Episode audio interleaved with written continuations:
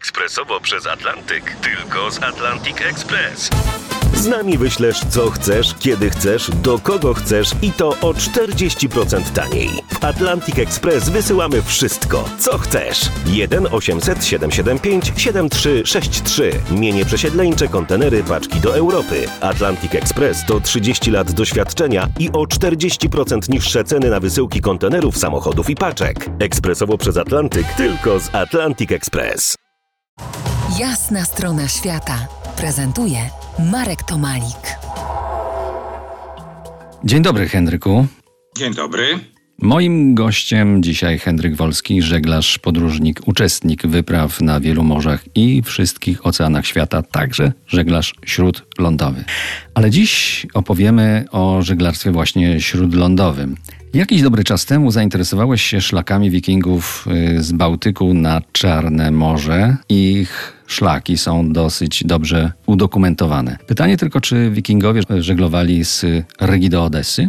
Między innymi z Rigi do Odessy. Do Odessy niezupełnie, dlatego że w ich czasie Odessy nie było. Ich celem był Istanbul, obecnie znany. Wtedy to się nazywało Konstantynopol, a w ich języku był to Miklagard, wielkie miasto. Wikingowie ze Szwecji, z obecnej Szwecji, wiedzieli, że takie wielkie miasto jest i to ich pociągało. Mówi się, że wikingowie założyli Kijów, a na pewno należeli do, do gwardii cesarza, czyli trasy były im znane. Od VIII do XI wieku wikingowie rządzili na wybrzeżu Anglii, dzisiejszej Normandii, Islandii, Grenlandii. Obecnie polskie wybrzeże Bałtyku nie było już wtedy bezludne. Czy także i tu zaglądali wikingowie? Zaglądali, ale nie zajęli polskiego wybrzeża. Polskim wybrzeżem e, rządzili raczej słowiańscy książęta, a słowiańskim odpowiednikiem wikingów byli tak zwani Chąśnicy. Szczyt ich działalności to przypadał na XII wiek za czasów Racibora i mówiąc o wikingach na terenie obecnej Polski, na terenie polskiego wybrzeża, to raczej współpracowali. Mówi się, że mieli swoje osiedle Jomsborg w okolicach Wolina, ale to ich jedyne osiedle.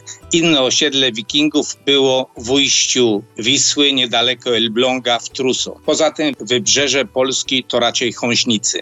A czy zachowały się jakieś ślady po tych wikingach na polskim wybrzeżu? Cokolwiek? Tak, po wikingach zachowały się ślady, na pewno w okolicach koło brzegu, ale ślady po wikingach można nawet znaleźć niedaleko Łodzi. Jest nawet teoria, że wikingiem z pochodzenia był Mieszko I. Tutaj zagrzebiemy się w historię, ale jest, e, jest nawet książka na ten temat, że Mieszko I był pochodzenia wikińskiego. On, przedstawiając papieżowi opis swojego państwa, podpisał się jako Dagome. Dokument znany jest jako Dagome Judex. I to w ogóle nie pasuje do Mieszko. Czyli historycy Polski, początków Polski spierają się do tej pory, czy Mieszko był pochodzenia wikińskiego, czy słowiańskiego. Za kilkanaście minut wrócimy do wieków średnich południowego wybrzeża Bałtyku. Pozostańcie z nami w RMF Classic.